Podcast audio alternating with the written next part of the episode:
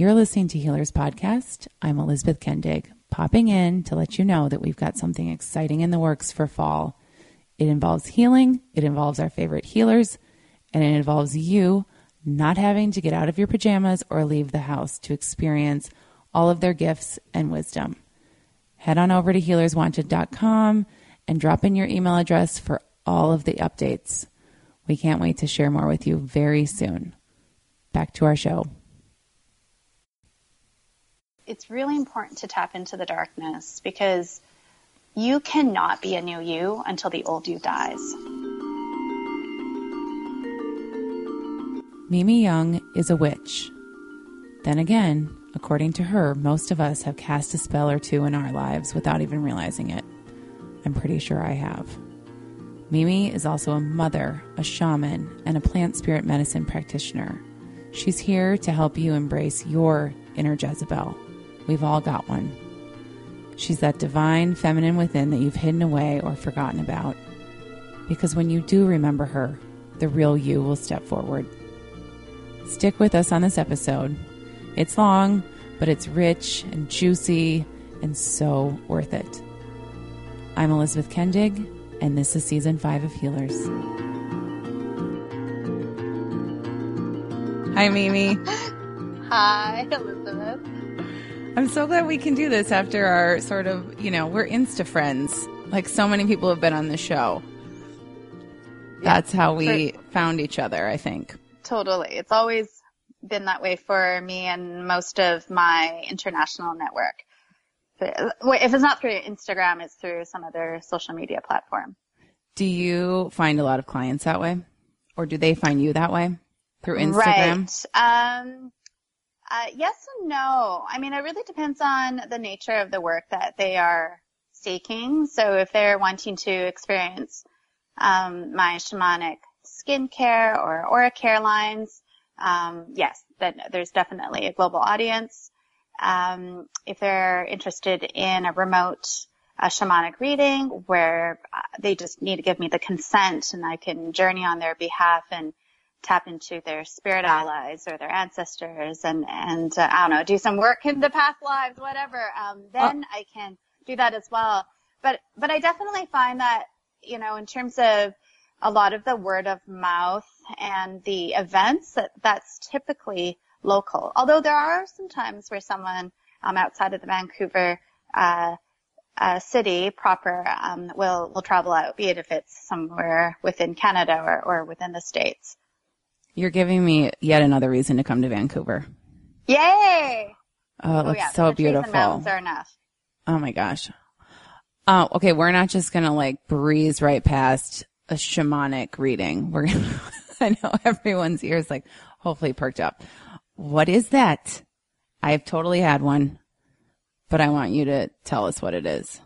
Yeah. Um, so basically I I, I go through the ritual of inviting the spirits and I delve, um, I, yeah, I, I go into a trance basically and I delve into the, the place where the client has asked me to explore. Or if it's a bit more open-ended, then I'll just let, uh, my intuition, uh, lead me and I'll, if it's the first journey for the client, I'll typically become acquainted with their uh, spirit allies, which could be like power animals or um, plant totems, or it could be a specific um, deity or ascended master.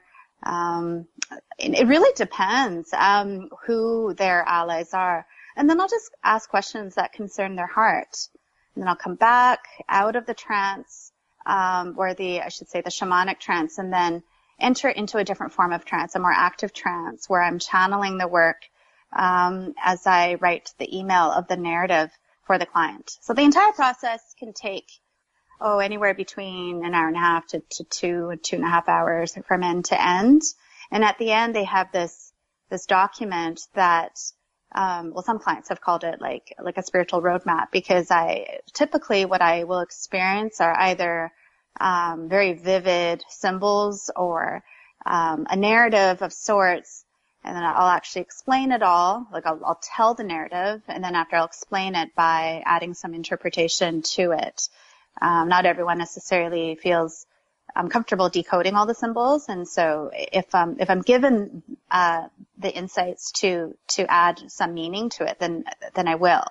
Um, yeah. And then typically, you know, in, in the email, they'll include some, some, for lack of a better word, some prescriptions that they can follow, uh, specific plant oils that they can work with, um, specific, uh, dates that may be, um, of, of, uh, of, of meaning for them, um, or any sort of additional tips and suggestions. But I, I really do, um, it, it's really important for me that the, the experience is not only uplifting, but really practical. Um, and I think part of the reason is because I, I, you know, I didn't come from a spiritual background before or, or sort of the woo woo world. and so I, I myself was quite skeptic. And so for me, it's like real spirituality has to be applicable in your everyday life. And so I'm not really giving a reading just for, I don't know, making you feel good for, for, for the amount of minutes that you're reading the reading, but it's actually designed to help you integrate the things that are probably already in your mind, um, on your heart, and just giving you that poke to, to go for it. Yeah, it's that, I mean, ideal experience of being seen. Mm-hmm. Right? Yeah. Whatever the tool or the methodology or the practitioner, you know, all of these sort of practices seem to resonate differently with different people. Um, no, I'm the one with the no- noise. I've got helicopters. Um, but at the end of the day, you feel seen. And I love that you, you know, that the practical piece is giving people these tools so that they can take it and incorporate it into their lives. So give me, I actually, I want to go back. So when you, you go into this trance, which is like a meditative state, are you are you actually seeing animals? Are you are you are you suddenly in the desert or in the forest and you are encountering these sort of totems as you go? Yes. Yes. Yes. Yeah. So it's for and I should say that not everyone who practices shamanism experiences it, it in the same way as I do, but for me it's very uh, visual um, and sometimes it's com- accompanied by physical sensations, um, and uh, and just that inner knowing, uh, and some, sometimes even by by scent. It, it really depends on on the journey. But yes, and there have been times where I've journeyed into more of an everyday human experience or everyday human plane, let's say a client's office or, or home. And the way I describe it is just how I saw it on the journey. But when they read it and they give me their, their feedback, they're like, oh my gosh, it's as if you've been in my home. It's as if you've been to my office. And it blows me away because like I, I, I've never really would call myself in the sense as someone who's doing essentially like astral travel into someone's home.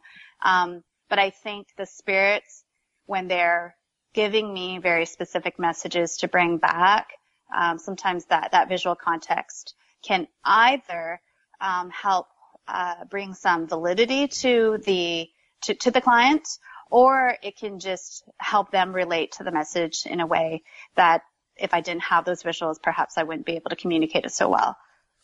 Totally. And you might not even know what some of these visuals mean at the time. Oh yeah, there's times when, and you know, there, like for instance, there's been times where I've asked, it doesn't really happen very often, but it has happened once where, uh, someone had, you know, they, they, they had their list of questions, um, because it, that's what, sort of how the process goes. They, they, um, in the process of booking me, I'll invite them to provide me a question or two to bring to the spirit world to ask. And so, you know, I, I go in with that mental checklist and I go, and then I go ahead and ask. And I've been told we will show you the answers, but we won't tell you the answers. It's up to you to just explain the, like what you've seen or what you've experienced to the client. And I think it has to do with privacy and, um, it's just, it's not, it's not my business. That's interesting. And it also, I would imagine makes for like it's empowering to your client then because they get to participate versus just taking this information from you and not Exactly. nece- and that that sort of validation piece is huge. Totally. And I think it may also be an, an invitation, so like, like you said, to participate, but be in like this experience to actively use one's intuition to interpret um, whatever message. Um, and that also can be a very healing exercise. Yeah, it can. And you definitely hold space for that. Just even just having someone who you don't know there to, to like, you know, you get this like, you get this intuition when someone says a word or you come back with a vision. And the first one, just like when we're out in our everyday lives is usually correct. But then our ego takes over and we stop trusting ourselves. So I always find right. that just having someone there to hold space and say, nope, just trust it. Like whatever, however this hits you. Um, and hopefully I'm not totally just not making any sense, but well, it makes so much sense. to you and um, me, but like get, let's, why don't we give our list, the listeners an example of like what would be, what is a topic that someone would come to you with when they, Um, I would say the most common questions would be about their life path.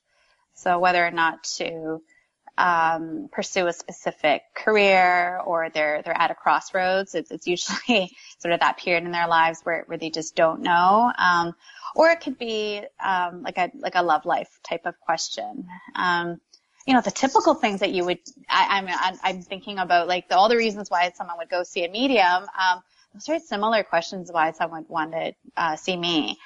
Um, how is it I think- different? oh, I'm sorry. How is it I- different than going to see a clairvoyant or an intuitive? right. Um, well, if, if you're asking like, are the questions different? I would say no. No. The questions are not different.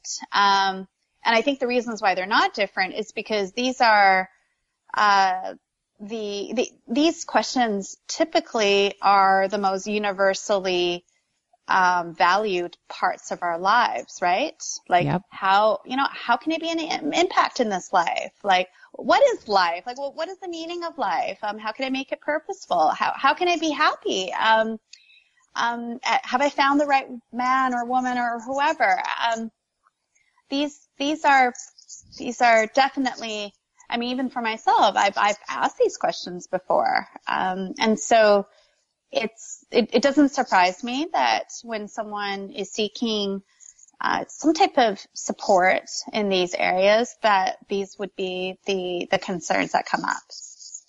Oh, totally.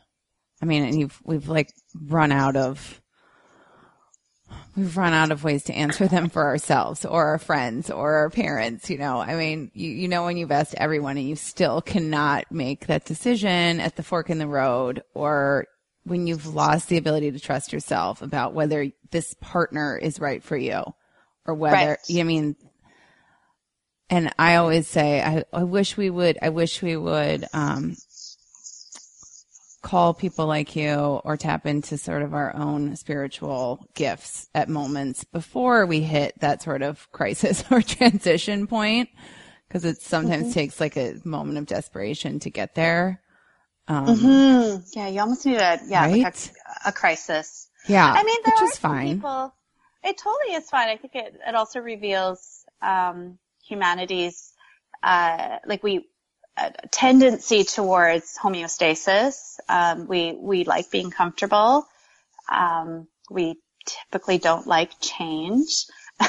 Um, So I'm- I'm true. laughing yeah, right. Like I'm laughing because I'm like even like me as a Yeah. very normal human being. Um, yeah, like I, these are things that they're uncomfortable at times. And sometimes you, it is nice to have a, a bit of a prod or signs, right? Like these, these, these affirmations external of us. Um, yeah, but I, I really feel that shamanism, in terms of like my work, it really is a, a tool. It's, it's a, it, it's a tool just to enhance our own knowing and, and our own power. And um, even the word shamanism or, or the term shamanism, it's I struggle a bit with it when I use it to describe my work because it's it's so much broader. Like my, my work, I integrate many different things. So I, I think within shamanism, the journeying part is definitely shamanic. My, uh, the plant spirit medicine work that I do, and, and let me back up for a quick sec for your listeners. Uh, plant medicine and plant spirit medicine, uh, those two terms, of course, circulate and, and there is a difference between the two. So plant medicine is typically referring to the physiological plant and how its specific molecular components can offer benefits to uh, human physiology. So, um, for instance, you know, chamomile is, is good for an upset stomach. That is plant medicine.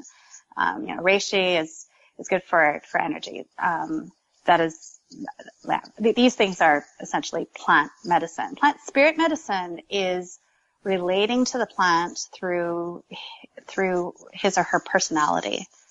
And so it's it's like having you know when you have like when you go out for like a, a drink with like your very best bestie, like your your soulmate, yes. that's medicine because you cry and laugh and bitch and all that all together, and that's medicine. So that's what plant spirit medicine is, except you do it with a plant. Um, and being, you know, being in relationship and having the spirit of the plant around you and, and because plants are very fragrant, sometimes one may even experience it, let's say through an essential oil. And, and, and that's where I do a lot of my work and that's where it sort of ties into the skincare and the aura care.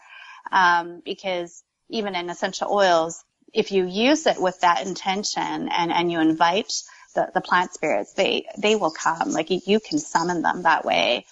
Um, so yeah, so that, so, you know, my shamanic work, the plant spirit medicine work. And then I also use a, or, you know, like, yeah, incorporate a fair amount of Taoist magic, um, and, you know, hedge witch magic in general. So lots of earth-based magic. Um, and so when it comes to saying like, what exactly do I do? It's, it's like a bunch of this stuff. Um, so for instance, if I am leading a workshop, I'll talk about a specific topic and I'll weave in all elements of this. Um, there'll be some, perhaps some plant medicine plus plant spirit medicine as just wisdom to offer to uh, the attendees.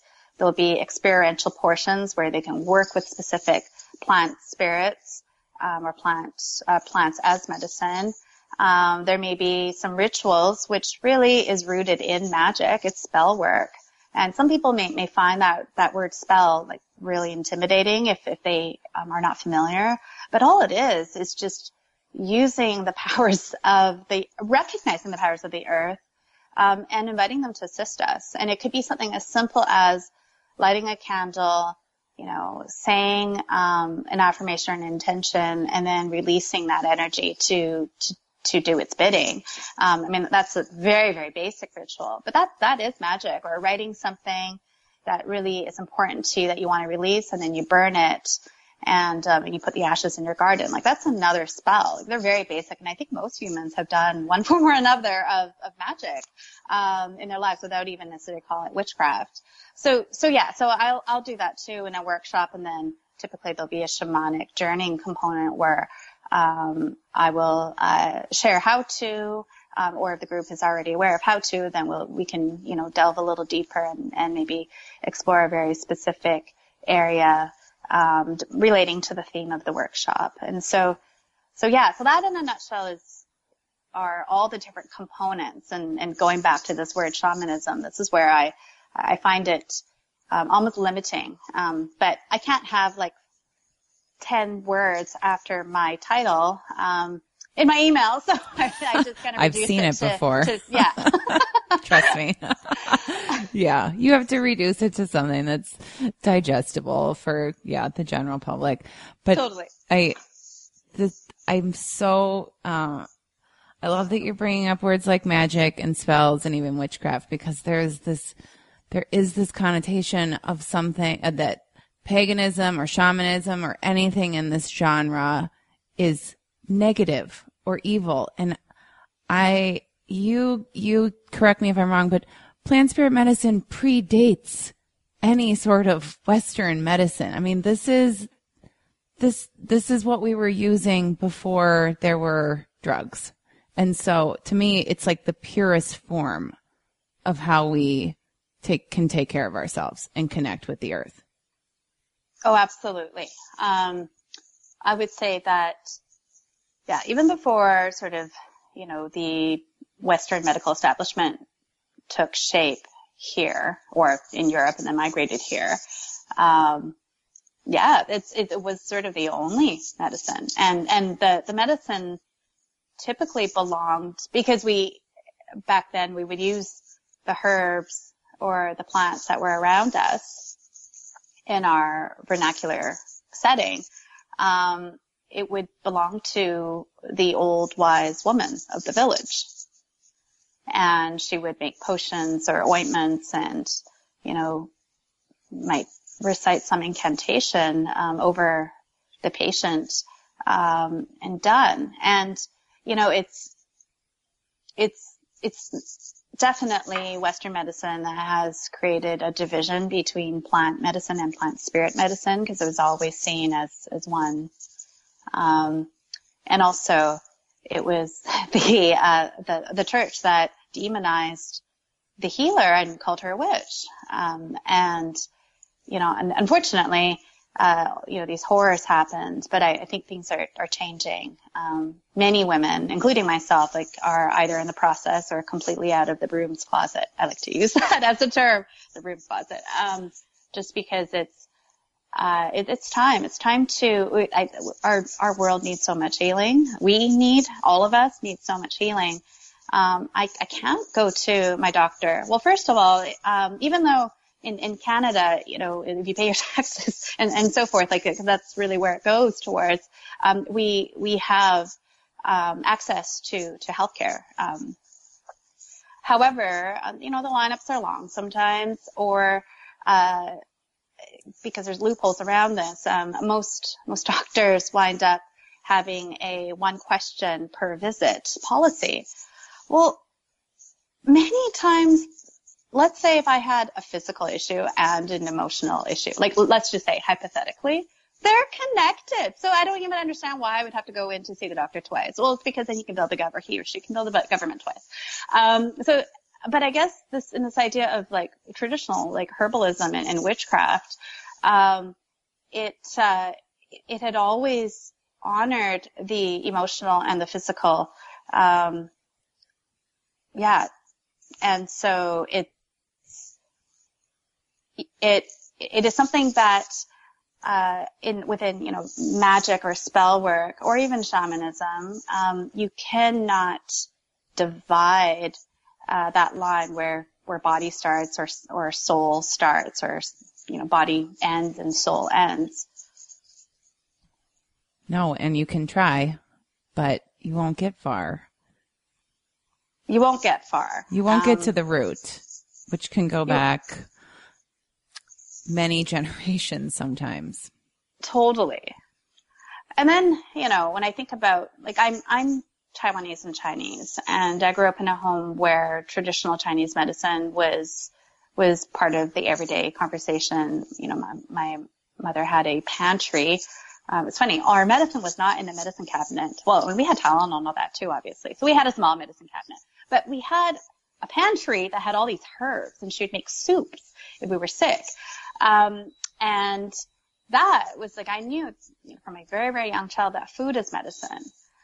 Um, and I think, you know, in like certainly in traditional Chinese medicine, in that whole field, and which of course what fed into that was Taoism or Daoism.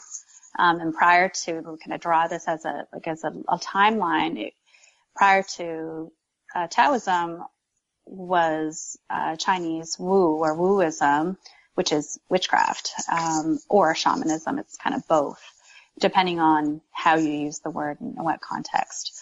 So the reason why I say this is because the medicine that acupuncturists and TCM practitioners, even in the West that are practicing today, have a very clear line that dates back to witchcraft and shamanism, which many people don't know because it takes into consideration of the elements, um, takes in, uh, into consideration the seasons, our composition, um, this this idea of the divine masculine, and divine feminine, which is just yin and yang, um, and and a bunch of other uh, components and archetypes that feed into life.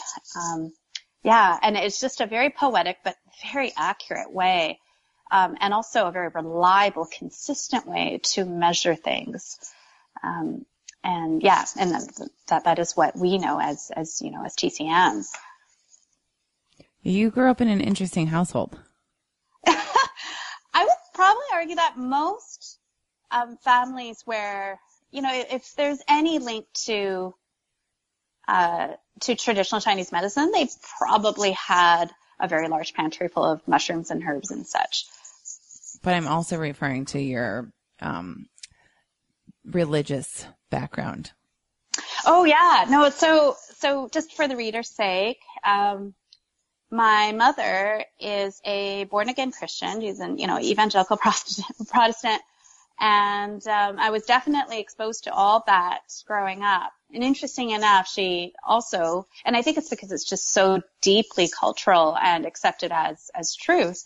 Um, she believes um, in traditional Chinese medicine, but she kind of sort of believes in everything about the the medicine, but not so much the the the, the magic. Um, and my father, um, up until very recently, I had always thought was this, you know, believes in science, staunch atheist. But, um, you know, in, I haven't actually said this on a podcast yet, but recently I was over at his place and I just was, um, I, I, I, brought, um, one of my tarot decks with me and I, I was doing some work and I had some questions about what direction to take. So I just whipped out my cards and I just did a quick, quick reading, pulled a few cards. And my dad said, Oh, I did not know that you worked with tarot. And I was like, what? I did not know that you even knew what tarot is. and then we kind of just talked and chatted. And so he, in some ways, I mean, he hasn't really been engaged in it for, you know, in, in um, so much in his adult years, but he said as a teenager and, you know, early youth, uh, like young adult, he had dabbled in divination, which made me, it, it answers questions because, um, I've always wondered where my fascination about uh, the supernatural came from. And I see it in some ways in my mom because of her fervent faith in, in sort of the, the established God of Christianity. Um, you know, I, I, I, don't attend church. I, I, don't believe in Christianity, but I, I can see how maybe some of the, at least the passion came from her. But my, my interest, my actual topic of interest was never really in that. Um, I definitely attended church with her and I went through a phase where I really wholeheartedly tried to be a good girl and good Christian. But I think deep down there just were so many questions that I, uh, that I had that could not be answered. And I think in some ways I was really drawn to the rituals of attending a Sunday service. You know, certain rituals and that I liked. But later discovering um, like roughly about maybe a, a, month or two ago that my father um, had, you know, he he studied some um, some palm reading and, and some some I Ching, which is uh, like a, a, Chinese divination form where you where you throw either coins or sticks.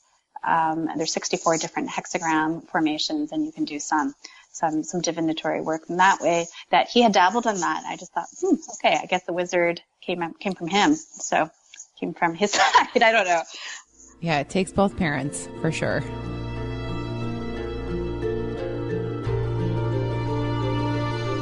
Who is Jezebel? Who is Jezebel? So,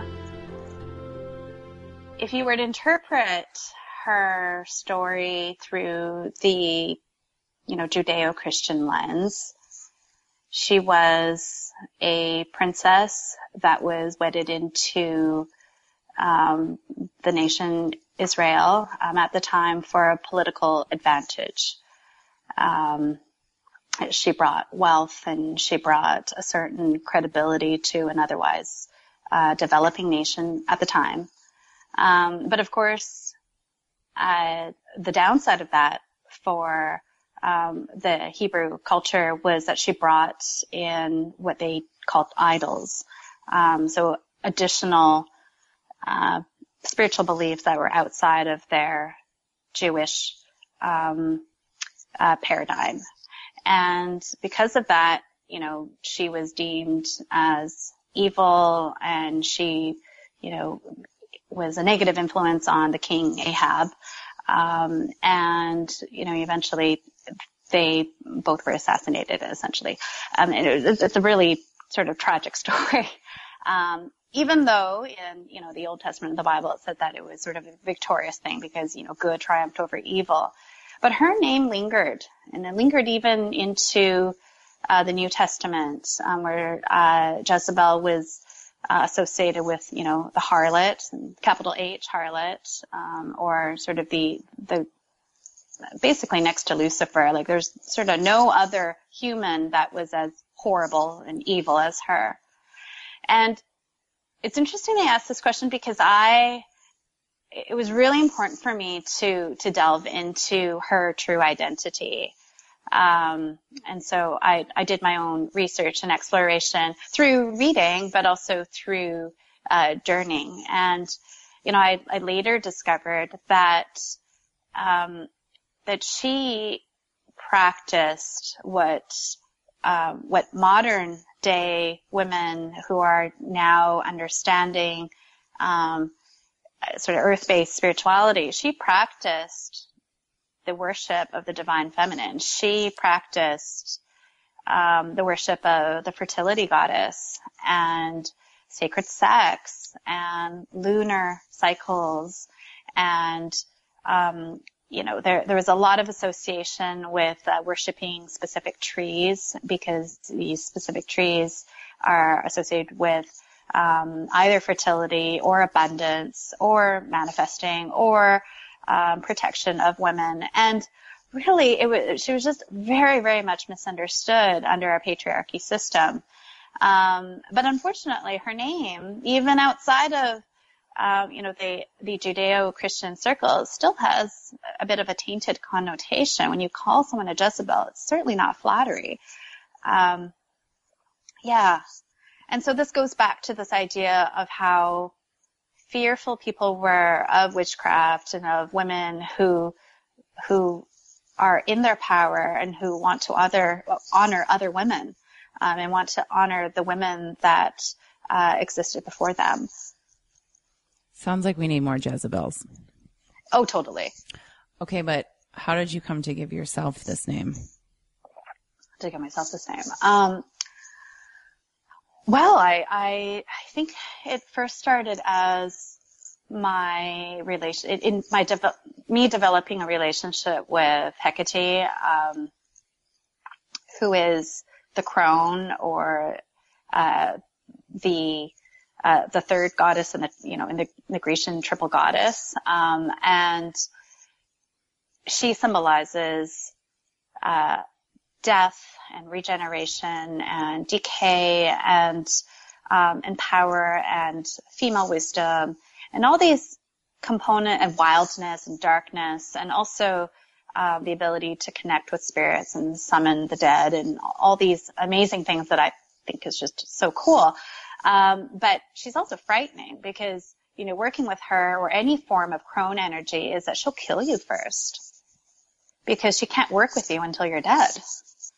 Um, that's, that's her work. And so this whole component of light and love, which I, I actually really quite dis, dislike that term. Um, and it's, it's definitely a spiritual buzzword or a buzz phrase um, on Instagram. Um, but the thing is, it's, it's really important to tap into the darkness because you cannot be a new you until the old you dies. It's just impossible. Right? So this idea yes, of. Even though I resist that idea. Oh, totally. It's scary as hell. Um, it's so scary to die. And so this idea of snakes, which is very much about, you know, like shedding skin and, and emerging, like metamorphosis or, or, or coming into a new expression of who you are is only possible when death happens. And so, um, yeah, so by me kind of becoming in relationship with Jezebel, I, I had to die first. I had to die to my ideas of what evil is, of what a female is, of even just really basic truths that I think most of us have internalized, right? Like things like, and this can be Christian or not, things like a woman is only valuable if she's physically attractive. I mean, that, that's, that's, that is deep inside of us. It's in our cellular memories. It's passed down from generation to generation. Um, so even if you never, ever, ever open a fashion magazine or, or whatever, like it's, it's there. Um, so that's one. So I had to like start really dying and letting these fucked up truths, which are not true, they're just lies. Um, well, first of all, I had to identify it, recognize it as a lie, say that it's a lie, and then tell it to go. Like, just say, I'm killing you. I am like this no more. And I'm going to grieve over the true girl or the, the, the woman that never got to live because of these lies. And so a lot of my work is also about grieving and I don't really talk about it too, too much until I'm with my clients because it's like, it's a heavy topic and, and I feel like if I, if I were to call myself like a, I don't know, like a, a shamanic grief facilitator, I, I, I think I probably will scare most people away. Um, but the fact is, it's you cannot, like I said earlier, form a new you until the old you dies. You you must grieve. Um, you you like it's so essential, and for you to be able to, or when I say you, like I mean sort of the generic you, um, for for any one of us to finally be in relationship with any form of Jezebel, because we all have a personal Jezebel in our minds.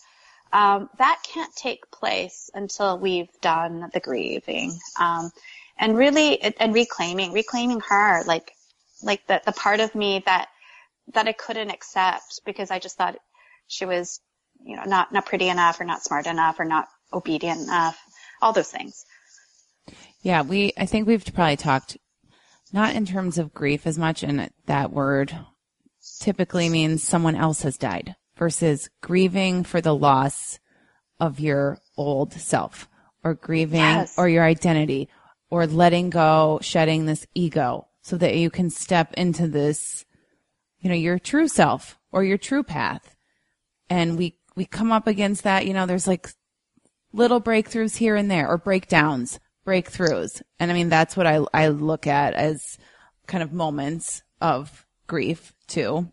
Mm-hmm, mm-hmm. When you come out on the other side, but you still sort of like mourn and hang on to the old you, the old job, the old relationship, the old, you know, whatever bank, yeah. bank account. I mean, whatever that means. But how do, how do, for people listening, how do we know when we're kind of ready or on that precipice where it is time to, I don't conjure up your Jezebel and like get on with it because right. you had this, we haven't talked about this yet, but you had this in bed five months with your second child, bed rest. I think a lot of people are on the edge right now, too. I would say definitely like listen to your emotions, but I would say the one emotion that um, is a total sign that one is ready to uh, recognize uh, the the various deaths of their own being that has taken place, grieve it, uh, be in relationship with the crone, and also be in relationship with Jezebel would be rage. And I, I, I say rage, and rage, and when I use the word rage, it might mean like I just want to fucking blow everything up around me because I'm so, so frustrated. But it can also be the exhaustion that many women experience in their 30s into their 40s, and it's usually around those two decades where we're like, the dreams that we had haven't come true. Or it did come true, but it did not give us, you know, the fulfillment that we believed it would. Um, or the, I don't know, like the, all the, all the things that pull at us that we don't want to do, the resentment that we have inside, um, the constant need to defend and explain, the constant need to put up with bullshit that is around us at work, um, or you know, even possibly in our primary relationships, like. Um, that is usually an indication I find that when I am so angry and so, but not necessarily angry and like ready to talk about it because even that is exhausting. Having to explain is to me like when someone ex- asks me to like pick my brain, like, or explain why I've taken a stance, I don't know, like a specific feminist stance or, or a stance against racism or whatever, I, I'm like, I can't believe you're even asking me the question. Like, do I have to seriously explain to you that, for instance, like women are still being discriminated each and every day in this country that we call a free country, which is like totally baloney sometimes. Um, and, and I know that probably exists in, in the U.S. And, probably amplified in some ways because you have a larger um, population than Canada, and and there's more polarities with your current um, president and so forth. But the fact is, the fact that I have to even explain this to men and female alike, that is exhausting and that is enraging. So I've had to ask myself, well, why, why do I feel this way? Why do I seriously just want to, going back to the blowing things up bit again, A, I'm supposed to. I'm supposed to feel this way because I am once again mourning for something that I don't actually, I, I can't name. But if you were to tap inside deep down and start examining, well, what were the things in your life that have died that you had to actually prematurely let go because you were forced to be a specific type of child or had to go to a specific type of school and conform or whatever, um, those are indicators. And if you can go back and give honor to them and just cherish those, like bring it back into your heart, be tender with it and say, no, it's, it wasn't your fault or yeah, I hear you. That was hard or you did an amazing job. Don't beat yourself up for this anymore and start essentially offering each of these components of your life like a mini funeral, um, through ritual or through whatever way that makes sense. That becomes, it, you, you're allowed, through that process, you then allow for those memories to be cremated. And remember, that's what the crone wants she wants you to die because she's inviting you to to change to to to come back as a phoenix. Um, and so i would say yeah so so start with with the things that make you angry. It's perfect. It, when you can't even get to the point of anger it's because you are you have shut down. You don't have anything left to even express that anger.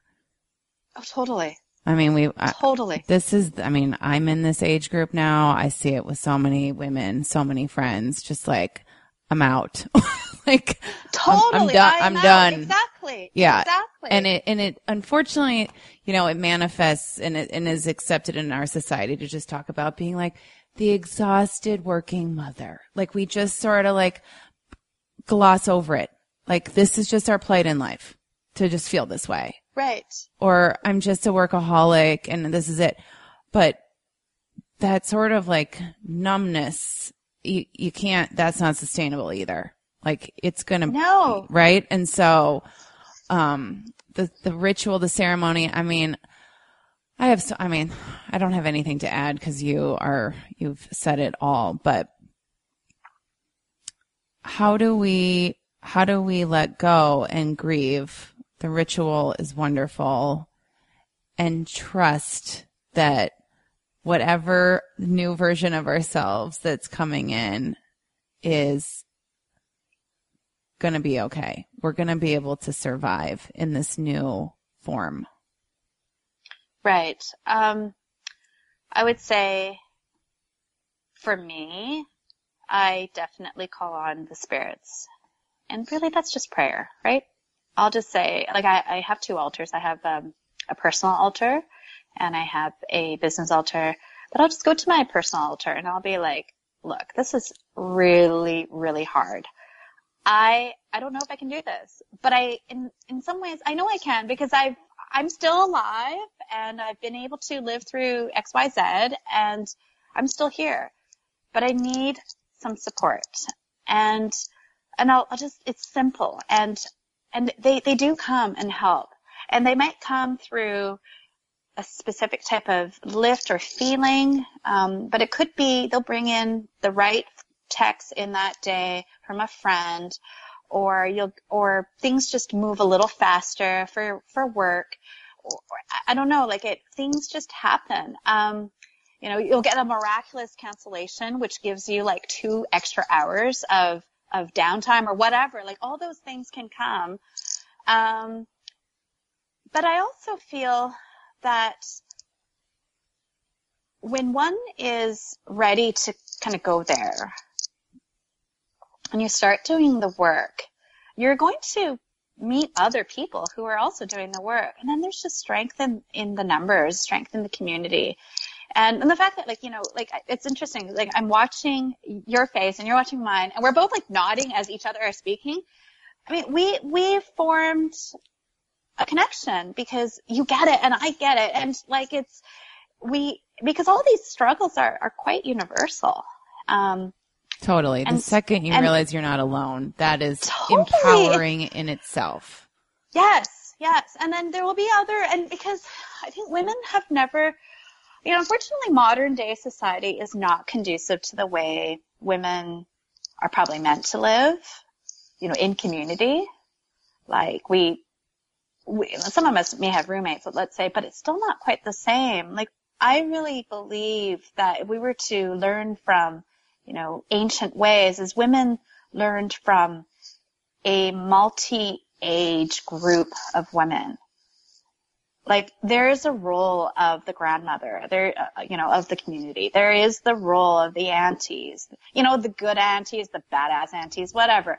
Like there's a role of the mothers, there's a role of the daughters and the little sisters. And I really believe that when we can reach out and, and be like honoring women and being there for women and not being competitive women and not withholding information with women, like that is where we get our strength um, to do the crone work. And chances are they probably have, you know, especially the older ones, they've they've done their crone work. They may not call it that, um, but they've done it. Especially the ones that are happy and integrated people. Bring back the red tent. Yes, totally the red tent.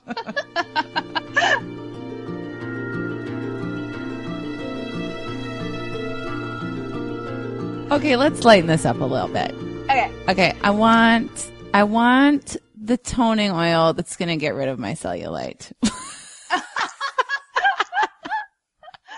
I mean, I don't have cellulite, right? I don't. It's just the uh, shadows. Um, yeah, let's talk, let's talk about your products.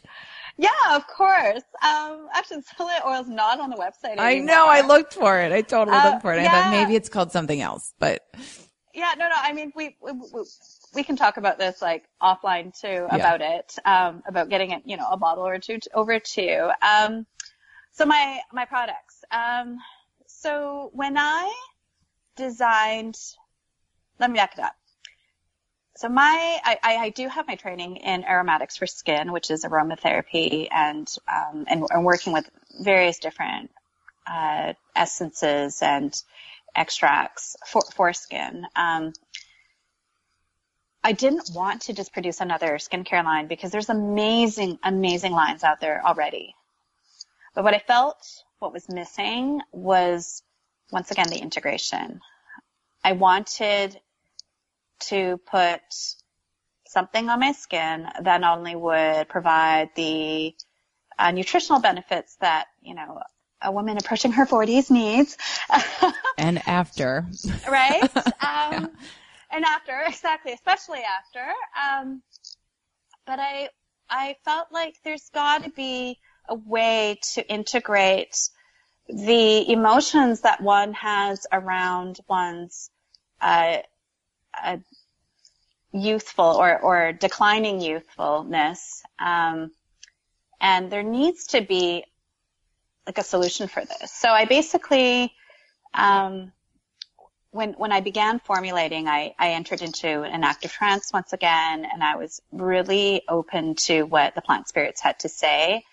And the answer was use the plants, of course, incorporate them for their nutrients, their physiological nutrients, but also incorporate their personalities and their their vibrations for the emotional work. And then layer it with mantras and shamanic messages. So if you go onto the site, you'll see every single product, there's, they've been set to a specific frequency.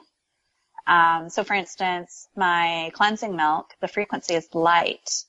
And when you think about when you wash your face, you can just be washing the debris off your face, but it could also be a ritual of you washing all that is not truthful that you've taken on that day and you wash it off and you're inviting light or truth into your being.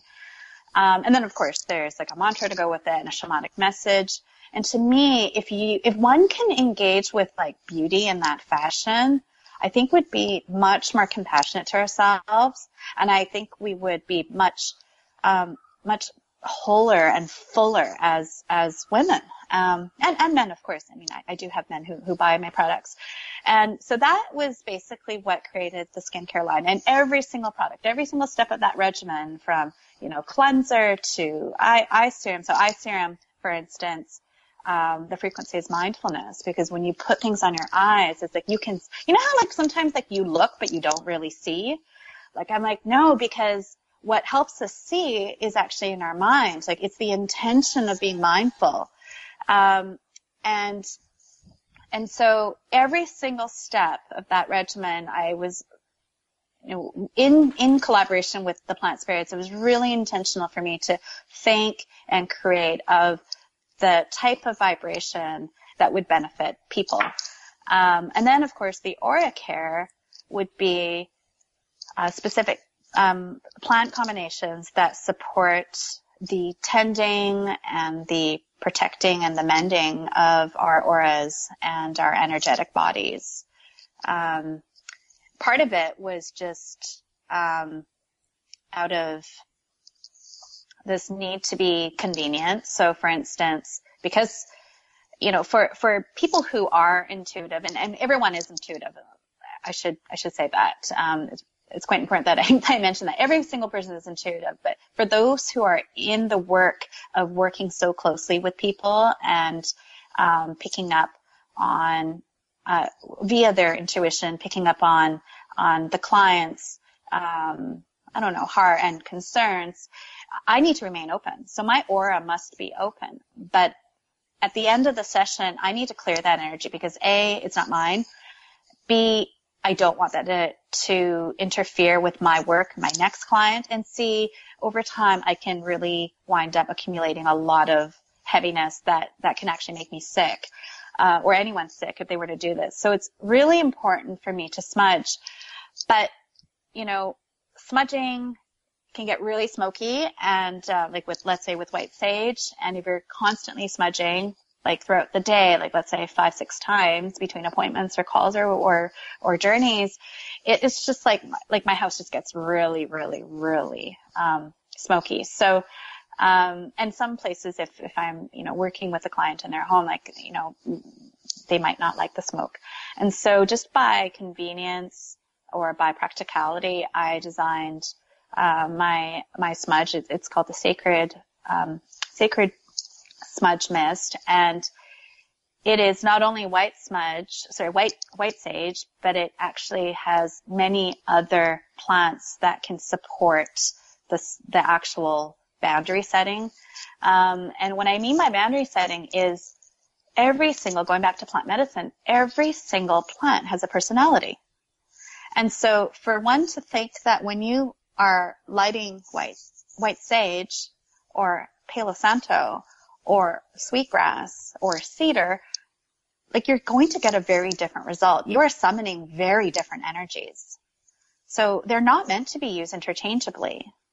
If I haven't smudged with white sage yet and I just, you know, I start lighting my, like a stick of Palo Santo, I'm actually doing something quite, potentially quite harmful because Palo Santo is all about connection and I haven't cleared my aura and I haven't set that boundary, well, I don't really want to open myself to just any old spirit that comes in. And so it's important that a specific um, set of plants are worked with for a very specific reason. And so going back to the sacred smudge mist, um, it does contain the white sage. It contains a, a desert sagebrush, and those are, you know, sage functions as a do not trespass or negative energy get out. So it's, I like to call it the evictor. It evicts energy. Um, or the bouncer even because it, will prevent you know certain energies from coming in i think it's quite important to to have that in in a smudge but then i also wanted to you know in the just keeping in mind time because otherwise i'm literally smudging like a lot in a day in a specific order i incorporated cedar because cedar is about being resourceful and abundant with what you already have um, I use pine and that's in the formulation because pine is very much about self-worth. It's very difficult for us to set boundaries if you don't have self-worth. And so, you know, all this white sage smudging without the self-worth piece is, is probably not going to help us too much. Um, because it goes back to consent, what we allow in and what we don't allow in, right? So, uh, the self-worth piece is important. And then, you know, there's, there's a few other, I won't kind of, I won't go into the, all the fine details. Um, and basically, from the Sacred Smudge Mist, which was my first Aura Mist, then came the other ones. So the Arcana Mist, for example, is designed with wisdom keeping plants in mind so that it can heighten one's intuition when they, let's say, pull oracle cards or tarot cards or do tea reading or something, um, tea leaf reading. Um, there's uh, the Tantric Union Mist, which is it, it's I find it's quite the aphrodisiac because of the various plants in it. It is designed to attract. It's designed to really up our pheromone, um, and also to help us unite with ourselves. So it doesn't have to necessarily be like used as a sex mist with a partner. It can be used as an amazing sex mist with oneself, um, and so forth. There's that Jezebel. no, I, I, mean, I have used smudge sprays before, not yours, but I mean, these are for everyone. You, I mean, you come in, you have a meeting at work and you have just taken on other people's energies. I mean, in your own home, there's a need for this, whether you're working with clients or not. I mean, I just can walk in from the streets of New York and feel like I gotta, I gotta cleanse. I gotta just start fresh. So correct. These are these are beneficial yeah. for all of us. And totally the skincare. I'm just I don't want to. I mean, I could go on all day about that, but just like uh, the idea of beauty products not being used simply to fix something that is wrong with our skin or with our features, but to actually use them to care for and honor ourselves. It's just, I'm just, I, I'm in awe that you've kind of you've created something that's so supportive and therapeutic, Aww. and I can't wait to try it. And um, this is just all so exciting. You're doing so much. Thank you.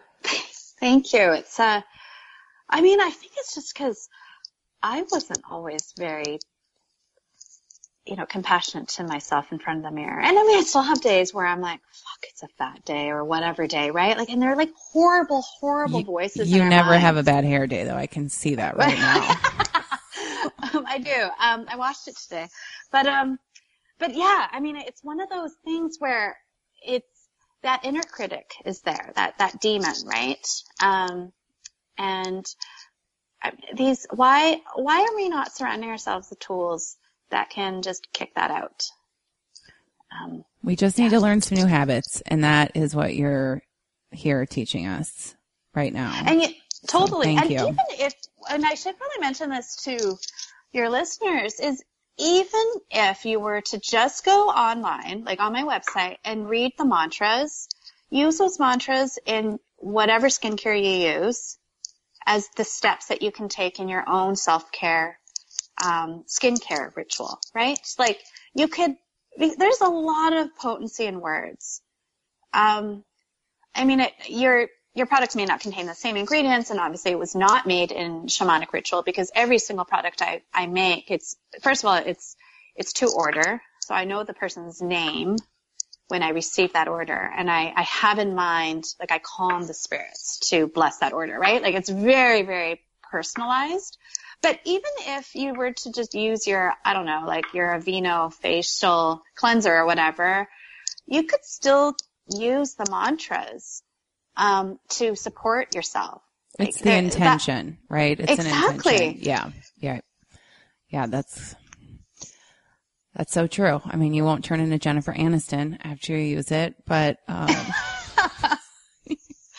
but you'll, you'll get to be you. Yeah. And you'll, you'll feel like you. And it's, and I think that's really what the process of at least my magic work is. It's, it's an evolution of falling in love more and more with myself.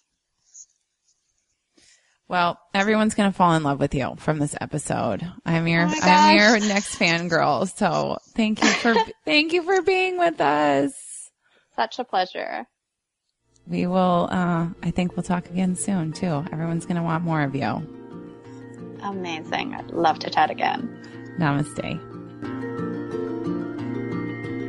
You're listening to Healers Podcast, hosted by me, Elizabeth Kendig, and produced by Derek Wetmore. For notes from our show and to join us on this healing journey, please visit healerswanted.com. P.S.